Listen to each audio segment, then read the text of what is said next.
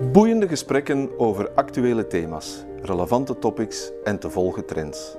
Welkom op de Vlaio podcast waar ondernemers en hun netwerk een stem krijgen, hun plannen vorm en hun ambities een klankbord.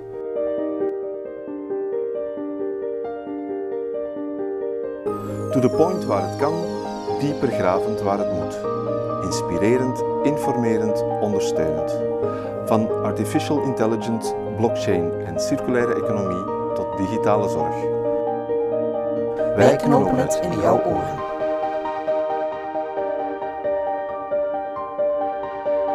Dag Patrick, welkom in onze boekenpodcast. Nog steeds elk vanuit ons eigen kot. We spreken een boek dat voor jou als programma-adviseur cybersecurity erg belangrijk is. De Cyber Arena van Vincent Nases. Maar vertel eens eerst iets over jezelf. Wie ben jij en wat houdt jouw opdracht als programma-adviseur in? Dankjewel, Werner. Um, in het verleden heb ik zo'n 30 jaar ervaring opgedaan in systeemintegratie en softwareontwikkeling, dan vooral in spoorwegindustrie. Mijn volledige carrière kom ik dus al in aanraking met elektronica, communicatiesystemen, software en dataopslag. Als programmaadviseur cybersecurity is het de bedoeling om het Vlaamse beleidsprogramma rond cybersecurity op te volgen en het netwerk van spelers die actief zijn in cyberbeveiliging zo goed mogelijk te laten samenwerken. Via rechtstreekse contacten met bedrijven en info van collega-bedrijfadviseurs capteren we de noden van de bedrijven en proberen we die in te vullen door hen te informeren wat mogelijk is aan opleidingen, samenwerking met onderzoeksinstellingen of andere bedrijven en ook door instrumenten aan te reiken om hun doelstellingen te bereiken. Oké, over die instrumenten zullen we het op het einde van de podcast nog even uitgebreider hebben. Maar nu even op het boek focussen. Wie is Vincent Nassans en waarom schreef hij dit boek, De Cyber Arena? Een blik op digitale confrontaties en de bestrijding ervan. Vincent Nassans doseert softwaresystemen en cyberbeveiliging aan de KU Leuven als expert in deze domeinen werkt hij vanuit de onderzoeksgroep Distrinet nauw samen met technologiebedrijven en maatschappelijke actoren. IMEC Distrinet is opgericht in de jaren 80 van de vorige eeuw en de Distrinetters van het eerste uur waren de internetpioniers in België. Intussen brengt de groep meer dan 100 onderzoekers samen en behoort ze tot de internationale top in het onderzoek naar cyberbeveiliging.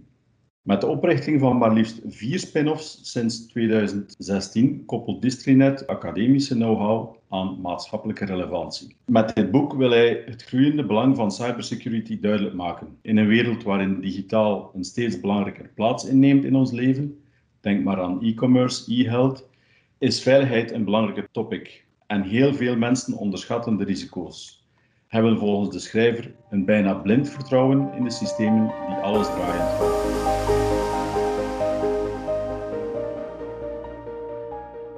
Echt vrolijk word je niet van de lectuur van dit boek. Aan de hand van heel concrete voorbeelden wijst de schrijver op allerlei mogelijk falen en de gevaren die dat met zich brengt. Het heeft, zo leren we in het eerste hoofdstuk, de context, te maken met de toenemende complexiteit en diversiteit van de systemen waarmee we werken.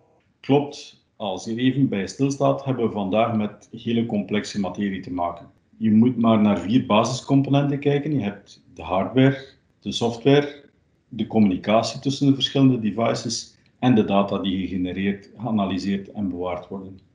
En elk van die vier componenten zijn kwetsbaar.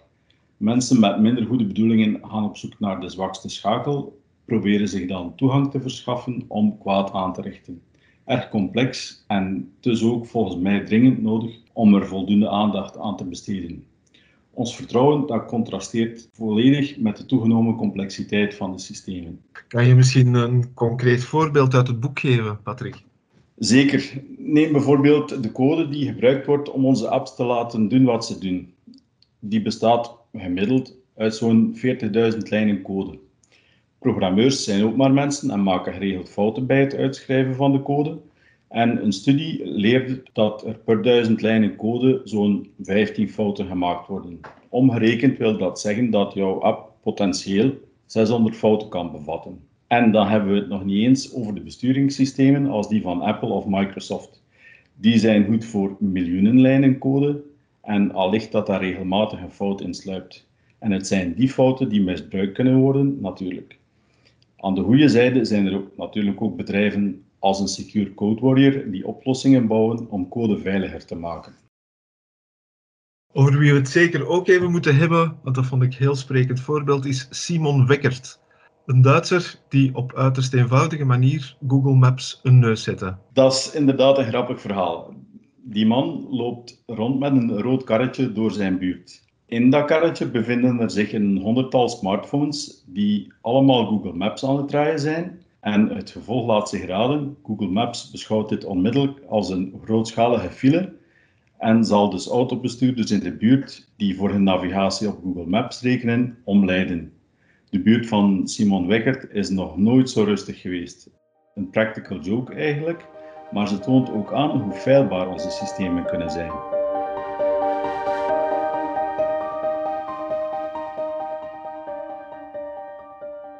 Voorbeelden die de auteur aanhaalt spreken tot de verbeelding. Van het openen van de deuren via het hakken van spraakcommando's tot het fictief laten aanvliegen van een onbestaand vliegtuig tijdens een hackersconferentie. Boeiend en bangmakend tegelijkertijd. Maar wat leren we eruit? Eigenlijk is de boodschap behoorlijk simpel. Hackers of malafide personen gaan op zoek naar de kwetsbaarheden van het systeem. En dat kan software zijn, de hardware of de communicatie tussen beiden. En ze zullen die zwakheid proberen te exploiteren. Het is dus zaak om aandacht te hebben voor die kwetsbaarheden. En dan blijkt dat de grootste kwetsbaarheid eigenlijk toch de mens is. Wij, de argeloze gebruikers van al die mooie dingen. Ook dat is een waarheid als een koe. Nochtans kennen we de computerhygiëneregels bijna net zo goed als de coronaregels. Alleen passen we ze nog veel te weinig toe. Paswoorden, om te beginnen. Hoe complexer je ze maakt, hoe meer ze je beschermen. En toch zijn er nog minstens 16% van de mensen die 1, 2, 3, 4 of paswoord als paswoord gebruiken. 2. Laat nooit je digitale toestellen onbewaakt achter. 3. Updates of patches. Bedrijven sturen die niet zomaar de wereld rond. Het kost hen handen vol geld om ze te ontwikkelen en dus mag je ervan uitgaan dat ze ook nodig zijn. Vaak bevatten ze patches, pleisters om recent ontdekte zwakheden recht te zetten. 4. Maak regelmatig backups. En vijf, vertrouw mails en berichten niet zomaar. Wees kritisch, ook al lijkt het of ze komen van iemand die je kent. Met die vijf zaken kan je al een heel eind op weg. Net zoals we nu regelmatig onze handen wassen, een mondmasker dragen, zouden we ons deze digitale hygiëne ook best eigen maken. Want vaak zijn wij nog de zwakste schakel in het systeem. Ik denk dat dat helemaal juist is.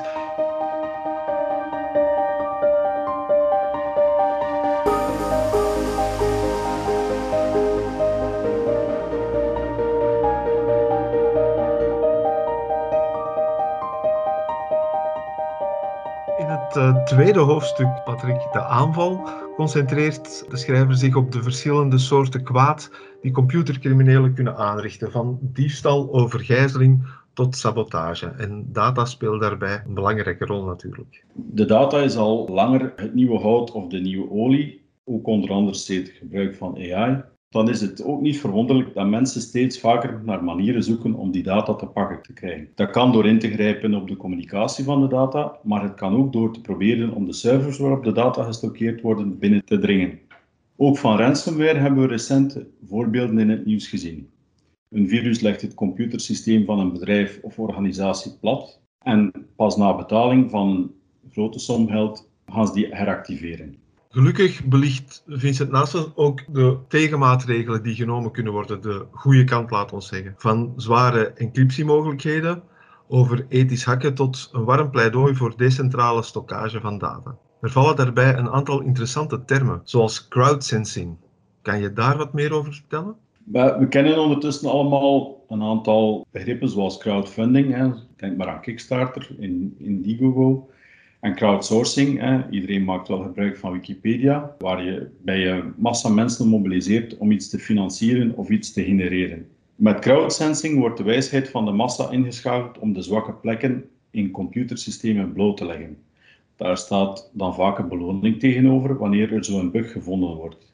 In Vlaanderen is er zo'n ethisch hackerscollectief, Integrity, die daarvoor bekend staat. Op het webplatform vitaletoekomst.be kan je over hen lezen.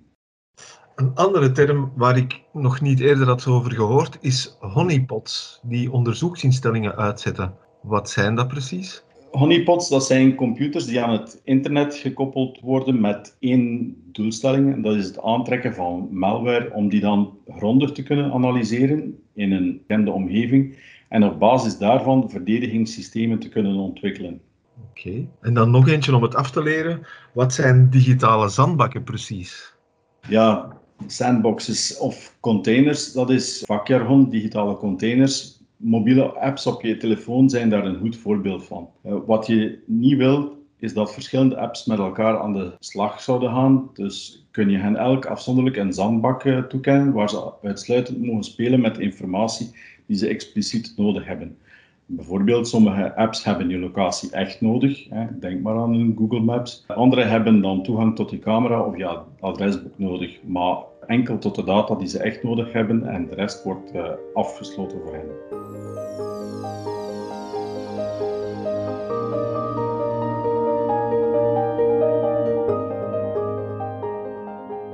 Het, het is, hoewel met 200 pagina's betrekkelijk dun, een rijk boek met heel wat voorbeelden en heel veel informatie over cybersecurity. Beetje een wake-up call ook. Aan wie zou jij dit boek aanraden en waarom precies? Goh, ik zou bijna durven zeggen, aan wie zou ik het niet aanraden? Mm Het is echt een boek voor bijna iedereen. Op een zeer bevattelijke manier wordt er over het thema geschreven. En het zet mensen aan om na te denken over hun eigen digitale veiligheid. Zeker in een wereld waar we meer en meer rekenen op die digitale connectiviteit, is dat enorm belangrijk. Met de recente ontwikkelingen, het coronavirus, waar iedereen op een andere manier samenwerkt, eh, veel meer van thuis uit en dergelijke, is het zeker kritisch om, om aan die cyberveiligheid te denken en de nodige stappen te ondernemen. Dat is duidelijk. Ik denk dat iedereen zich aangesproken zou moeten voelen voor dit, om dit boek te lezen. Ten slotte misschien nog even iets over het programma Cybersecurity waar jij aan werkt. We vermelden al digitaletoekomst.be, het platform waar je heel veel over artificiële intelligentie en cybersecurity kan lezen. Maar ik begreep dat er ook binnen Vlaio zogenaamde cybersecurity verbetertrajecten zijn. Kan je daar wat meer over vertellen?